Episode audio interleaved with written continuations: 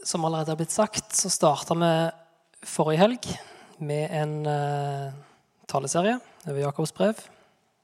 Forrige helg var det Aud Noren Myklebust som talte. Så er det meg i dag. Og så har vi en liten pause før vi fortsetter etter Høstviken. Så skal vi ta de tre siste kapitlene. Uh, så har jeg skrevet ut teksten ja, for dere i dag òg, sånn at dere kan gjøre hva dere vil med den. Om dere vil bare lese, eller om dere vil notere noe, tanker underveis, eh, så må dere gjerne det. Så dere vil brette papirfly, så kan dere gjøre det etter møtet. Eh, og der ligger faktisk ikke bak til dere eh, som sitter der. Men dere kan springe fram og hente hvis dere har lyst til det. Um, kapittel to i Jakobs brev har to nokså avgrensa tematikker. Det ene handler om at vi som kristne ikke skal favorisere folk eller diskriminere folk. I teksten her er det illustrert med de rike og de fattige. Og Den andre tematikken handler om forholdet mellom tro og gjerninger. Hva hjelper det om noen sier han har tro når han ikke har gjerninger? Tror jeg fortsetter med å be.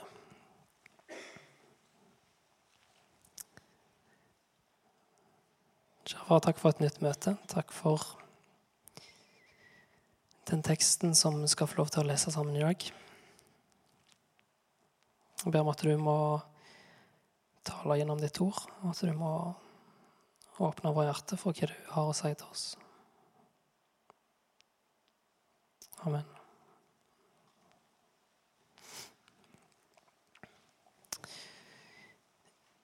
I kapittel 1, som Aud Norun hadde forrige helg, så legger Jakob fram de tre hovedtematikkene som han har lyst til å snakke om i dette brevet. Det ene er tro og prøvelse, eller tro i prøvelse. Det andre går på visdom. Og det tredje går på forholdet mellom rike og fattige på forskjellsbehandling. Og I kapittel to så fortsetter han egentlig der han slapp. Han fortsetter med det siste, med å snakke om, eh, litt mer utfyllende om dette forholdet mellom rike og fattige, før han går videre på dette med tro og gjerninger. Vi skal gå gjennom teksten, og så skal vi se på hva den sier. Og så skal vi se på hva den taler inn i våre liv som etterfølgere. Kapittel 2, vers 1. Her begynner vi med at Jakob fordømmer dette med å favorisere folk. Som vi leser i vers 1, mine søsken, dere kan ikke tro på vår Herre Jesus Kristus, herlighetens Herre, og samtidig gjøre forskjell på folk. Dette er statementet som han begynner med. Og Jeg tror det er mange måter vi kan finne på å gjøre forskjell på folk Enten det er popularitet, det kan være eh, personlighet, det kan være utseende, det kan være etnisitet, det kan være intellekt, humor eller lite humor. Jeg tror vi kan finne på mange måter å sette folk i bås på. Enten bevisst eller ubevisst. Og jeg tror òg at vi enten bevisst eller ubevisst styres litt av dette i forhold til hvem vi snakker med, hvem vi henger med, um, osv. Og Da er det, det faren der at noen fort kan bli favorisert, noen kan bli diskriminert. Og Jakob bruker her de tre neste versene på å trekke fram en illustrasjon på dette med å snakke om to menn to menn som kom inn i forsamlingen. En rik mann med flotte klær eh, og en fattig mann i skitne klær. Disse to kom inn i menigheten. Den rike får hedersplass. Eh, litt sånn som man nesten må ha den på utstillingsvindu. Se, han her er her se oss. mens den fattige blir enten plassert helt bakerst eller i et hjørne, eller, eller bare ignorert, kanskje. Har dere ikke da skapt et skille blant dere? spør Jakob. Er dere ikke blitt dommere med onde tanker? Så fortsetter han da i vers 5-11 med å argumentere for hvorfor dette er så gale, det de holder på med. Hvorfor er det så feil med en sånn praksis? Han trekker han fram tre grunner. For det første, i vers 5 og 6, så stemmer ikke en sånn praksis overens med Guds tanker om de fattige. Noe som han legger fram som et retorisk spørsmål. Har ikke Gud utvalgt de fattige i verden til å være rike i trua og til å arve det rike han har lova de som elsker ham? Jo, det har han. Det er svaret på det. Salige er dere fattige, Guds rike er deres, sier Jesus i Lukas 6,20. Eller som det står i bergpreken i Matteus 5.: Salige er de fattige i ånden.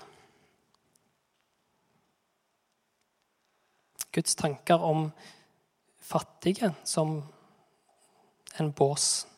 De er ikke, de er ikke låge. De er ikke diskriminert i Guds øyne. De er elska.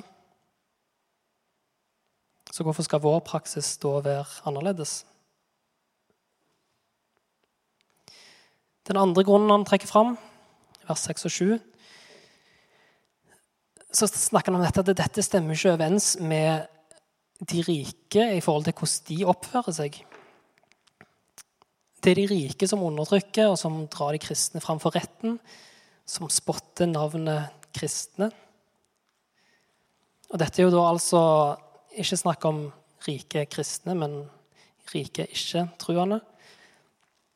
Og disse rike ikke-truende har menigheten her, eller iallfall noen i menigheten, tydeligvis ønska å please på en eller annen måte. At det var status, selv om de ble forfulgt og de ble undertrykt av disse samme folka.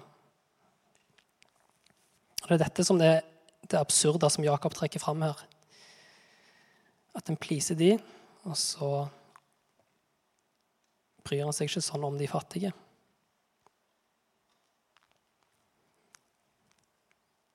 Og Det handler ikke om at Jakob eh, fordømmer de som er rike i seg sjøl. Det er ikke poenget her. Men han fordømmer disse rike folkenes handlinger.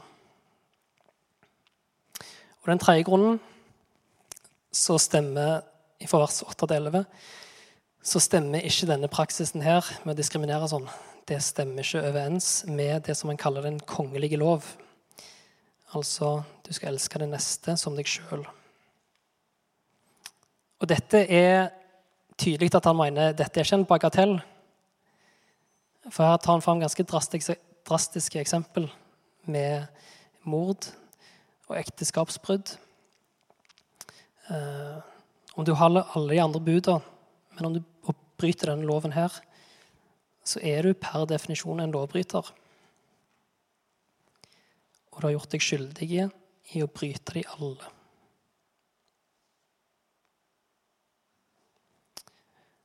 Oppsummert, altså. Du kan ikke tro på Jesus og samtidig gjøre forskjell på folk. Eksempelvis i forhold til rike og fattige. For å diskriminere fattige stemmer ikke overens med Guds tanker om de fattige. Å favorisere rike stemmer ikke overens med deres oppførsel. Og en sånn diskriminering, favorisering, stemmer ikke med det å elske sin neste som seg sjøl. Konklusjonen til Jakob i vers 12 og 13 blir at vi som kristne må handle på en sånn måte sånn at det henger sammen med den dom som vi vet at kommer. Vi skal huske på frihetens lov. Den nye lov, som er en følge av evangeliet. Det er ikke en gamle lov som nå gjelder, men den nye lov som ikke bare dømmer, men den gir frihet. Ikke en frihet til å synde som vi vil, men en frihetens lov som bygger på Jesus og det han har gjort. En lov som vi lever etter fordi vi er tilgitte syndere. og vi har fått Den hellige ånd. Den hellige ånd som vi er utrusta med. Etter den skal vi dømmes, og etter den skal vi tale og handle. Han sier vi skal huske på at dommen er ubarmhjertig mot de som ikke har vist barmhjertighet, i vers 13. Når vi har fått se Jesus, når vi har fått se korset og nåden, så gjør det noe med oss i form av å vise barmhjertighet overfor andre. Vi elsker fordi han, altså Gud, elsker oss først, står det i 1. Johannes 4, 19. Og Det er litt dette som ligger i dette. Når vi tar imot Jesus, når Ånden bor i oss og preger oss, eh, så former det oss. Det former våre handlinger, bl.a. i forhold til å vise barmhjertighet.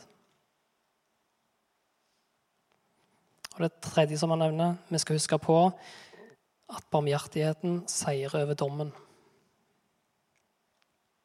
Med andre ord som troende, fulgt av Den hellige ånd, som lever et liv der Den hellige ånd får virke i oss og gjennom oss, til å vise barmhjertighet, så seirer Guds nåde og barmhjertighet i Jesus over den dommen som ellers var tenkt oss. Kort sagt, de som tror, har vunnet seier over dommen ved det Jesus gjorde på korset.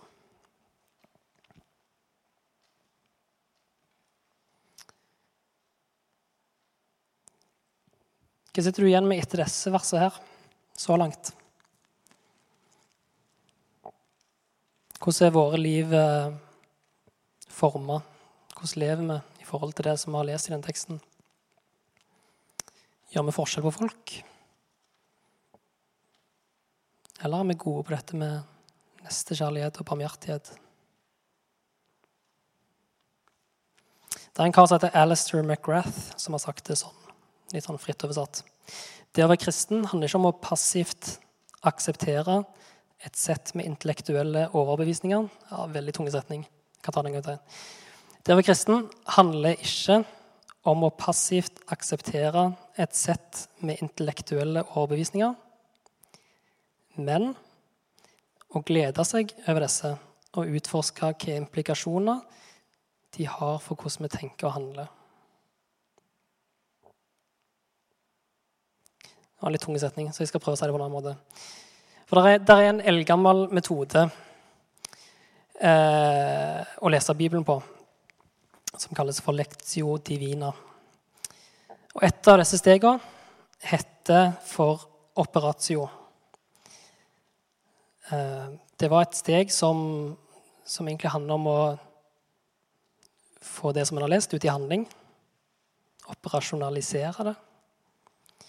Men dette leddet var De mente det var så selvsagt at dette gjorde en jo, så de bare på 1100-tallet bare de droppa det, for det, det gjør en jo uansett. Og så er spørsmålet gjør vi det uansett. Eller tar vi det bare inn som intellektuelt? Så det handler altså om å se på teksten og tenke litt praktisk. Hva skjer nå, etter vi har lest dette? Hva vil det bety for meg rent konkret i den uka som kommer? Så Vi skal ta et minutt nå der dere kan få lov til å gruble litt på det. Og jeg kan få lov til å gruble litt på det, hver for oss. Skriv gjerne ned noe på arket hvis du vil det, eller på mobilen hvis du ikke har med deg penn. Hvilke konkrete konsekvenser har det som teksten har snakket om så langt, for deg og ditt liv som disippel?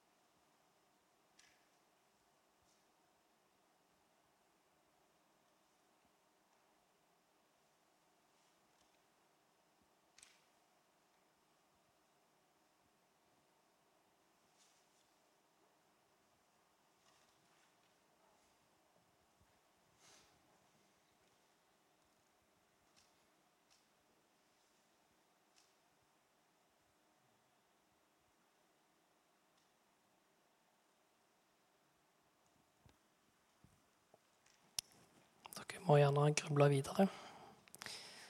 Både utover i talen eller etter talen.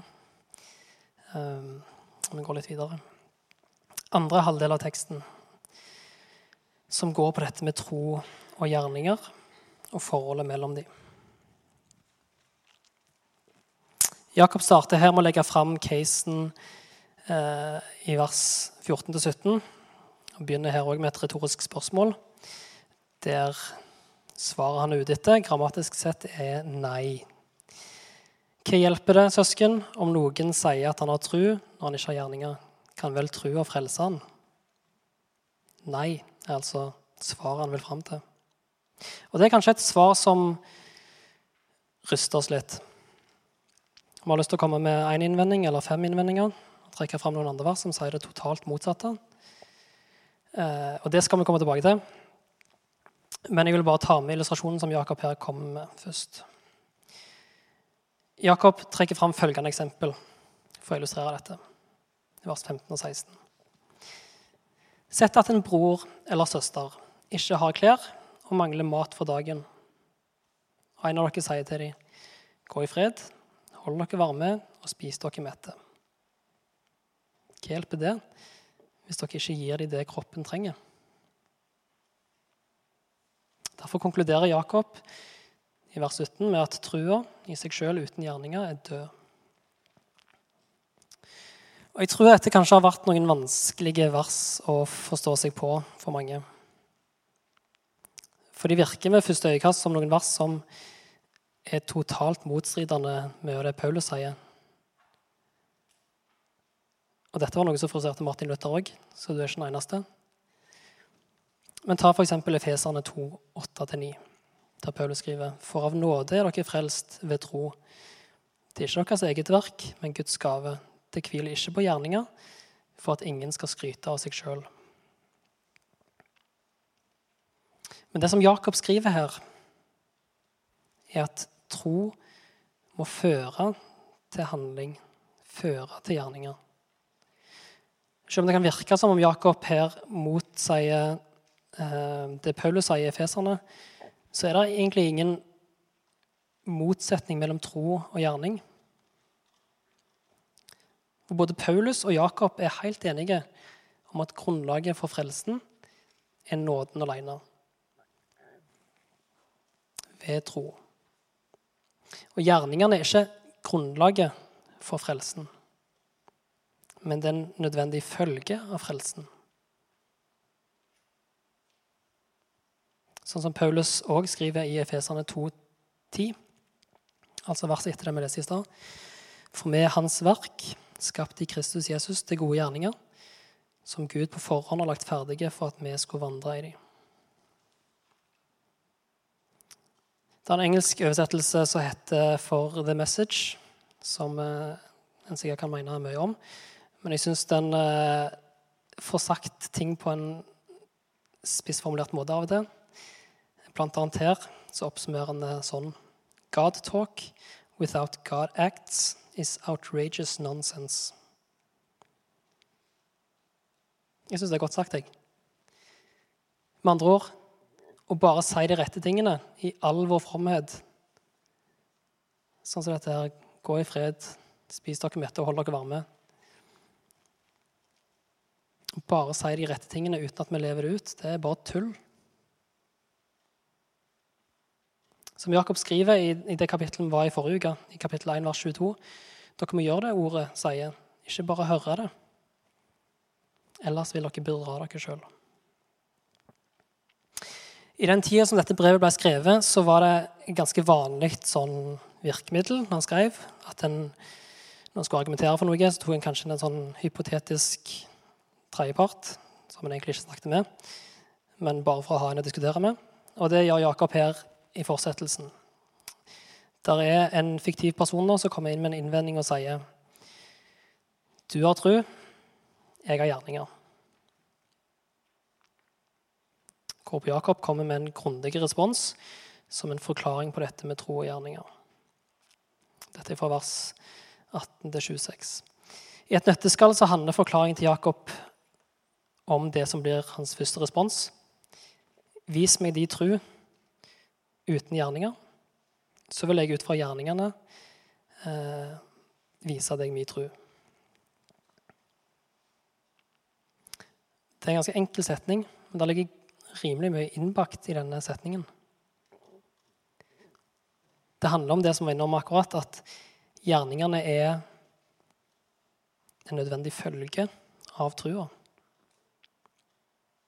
Hvordan kan andre se hva vi tror på, uten gjennom gjerninger? Det er det som er utfordringen som Jakob gir denne fiktive personen. Jakob sier heller at gjennom mine gjerninger så vil du se min tru. Han illustrerer dette videre på to måter. Den første, i vers 19, er, har en litt sånn negativ undertone. Der han sier du tror at Gud er én. Det gjør du rett i. Og de onde åndene tror det og skjelver. Med andre ord å bare vite intellektuelt sett hva Bibelen sier, er ikke nok, for det gjør de onde åndene òg. Og Det er et ekstremt eksempel, men poenget her er viktig. Å ha riktig teologi i hodet er ikke nok for frelse.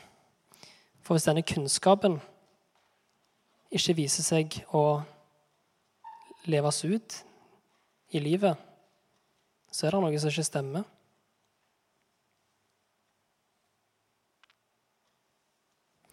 Den andre, illustrasjonen som han kommer med, er litt mer positivt vinkler, med eksempler fra Abraham og Rahab fra vers 20 til 25.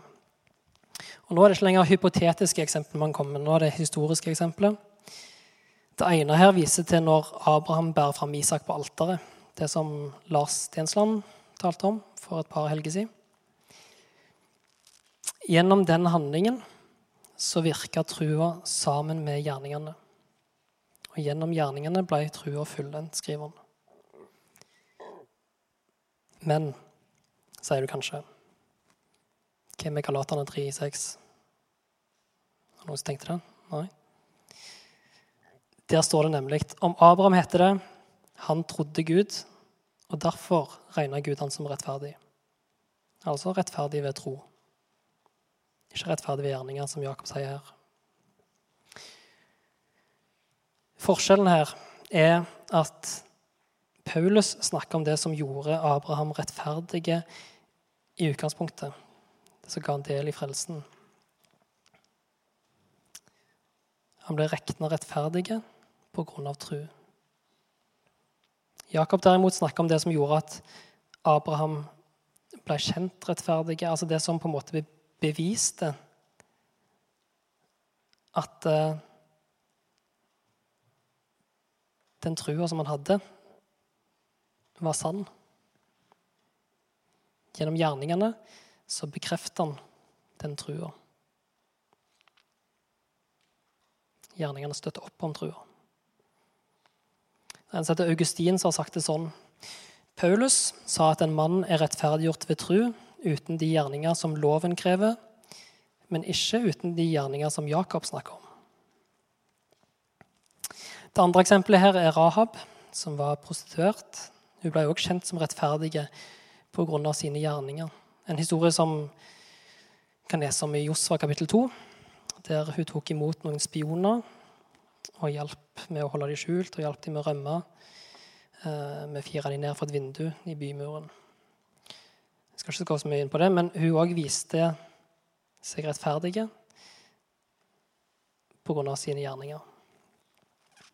Til slutt, i vers 26, så avslutter da Jakob her med å repetere det som han opprinnelig sa i starten.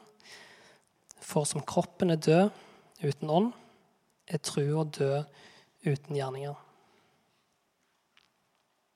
En tru som ikke har gjerninger, er ikke en levende tru. Det er en død tru.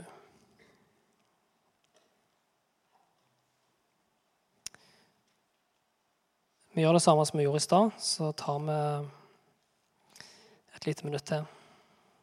Tenker på hva, hva gjør dere med dette i praksis.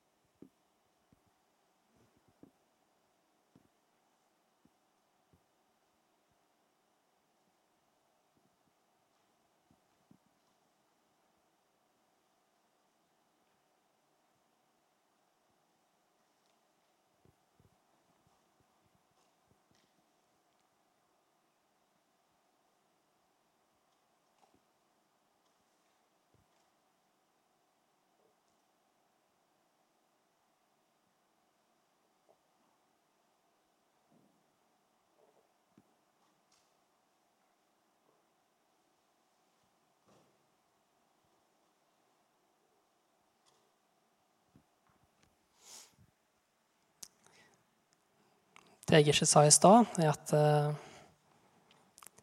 dette leddet operatio det funker best når man gjør det sammen med noen andre.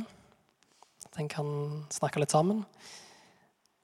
Uh, hjelpe hverandre til å finne ut hvordan en skal leve ut det en leser om. Så ta gjerne og bruk muligheten til å ta dette opp med andre etter møtet. Hvis dere har lyst til det. Jeg håper uansett at du sitter igjen med noe etter det som har lest nå, at Gud har fått lov til å tale inn i ditt liv. At du har blitt utfordra. At du har fått kanskje ned noen tanker underveis i talen. Noe som du vil se mer på.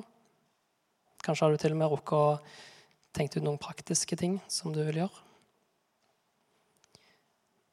Uansett så vil jeg si i forhold til det vi har lest i dag, så er en av de viktigste tingene det valget du allerede har gjort i dag, at du velger å oppsøke et fellesskap for å høre mer om hva Bibelen sier, for å bli bedre kjent med Gud. For mye av det vi har lest om i dag, er det Ånden som virker gjennom oss. Derfor trenger vi stadig påfyll. Men så er det kanskje konkrete ting i ditt liv som Gud taler til deg i dag. Og jeg håper du tar med de tankene òg hjem. Helt til slutt vil jeg bare lese dette kapittelet i sin sammenheng. Mine søsken, dere kan ikke tro på vår Herre Jesus Kristus, herlighetens Herre, og samtidig gjøre forskjell på folk. Sett at det kommer to menn inn i forsamlingen deres. Den ene er i staselige klær og med gullring på fingeren. Den andre fattig og i skitne klær. Så legger dere merke til han med de staselige klærne og sier, 'Vær så god, her er en god plass.' Men til den fattige, 'Du kan stå der.' Eller 'Sett deg her med føttene mine'. Har dere ikke da skapt et skille blant dere? Er dere ikke blitt dommere med onde tanker? Hør, mine kjære søsken. Har ikke Gud utvalgt de fattige i verden til å være rike i trua og til å arve det riket han har lova de som elsker han? Men dere har forakta den fattige. Er det ikke de rike som undertrykker dere, drar dere fram for retten? Og er det ikke de som spotter det gode navnet som er nevnt over dere? Dersom dere oppfyller den kongelige lov i Skriften, du skal elske det neste som deg sjøl, da gjør dere rett. Men gjør dere forskjell på folk, da synder dere, og loven anklager dere som lovbrytere. For den som holder hele loven, men snubler i ett av budene, har gjort seg skyldig i å bryte de alle. For han som sa du skal ikke bryte ekteskapet, han sa òg du skal ikke slå i hjel. Om du ikke bryter ekteskapet, men slår i hjel, da er du en lovbryter. Etter frihetens lov skal dere dømmes. Etter den skal dere tale og handle. For dommen skal være ubarmhjertig mot den som ikke har vist barmhjertighet, men barmhjertigheten triumferer over dommen. Hva hjelper det, søsken, om noen sier han har tru når han ikke har gjerninger? Kan vel tro og frelse han? Sett en bror eller søster ikke har klær og mangler mat for dagen, og en av dere sier til dem, gå i fred, hold dere varme og spis dere mette. Hva hjelper det hvis dere ikke gir dem det kroppen trenger? Sånn er det òg med trua. I seg sjøl, uten gjerninger, er han død. Kanskje vil noen si, 'Du har tru, jeg har gjerninger'. Vis meg de tru uten gjerninger, så vil jeg ut fra gjerningene vise deg min tro. Du tror at Gud er én. Det gjør du rett i. Og de onde åndene tror det og skjelver. Du tankeløse menneske. Vil du ikke innse at tro uten gjerninger er til ingen nytte? Var det ikke pga. gjerninger at vår far Abraham ble kjent rettferdig da han bar fram Isak, sønnen sin, som offer på alteret? Sånn kan du se at trua virka sammen med gjerningene hans, og gjennom gjerningene ble trua fullendt. Dermed ble dette skriftordet oppfylt. Abraham trodde Gud, og derfor regna Gud han som rettferdig. Han ble kalt Guds venn.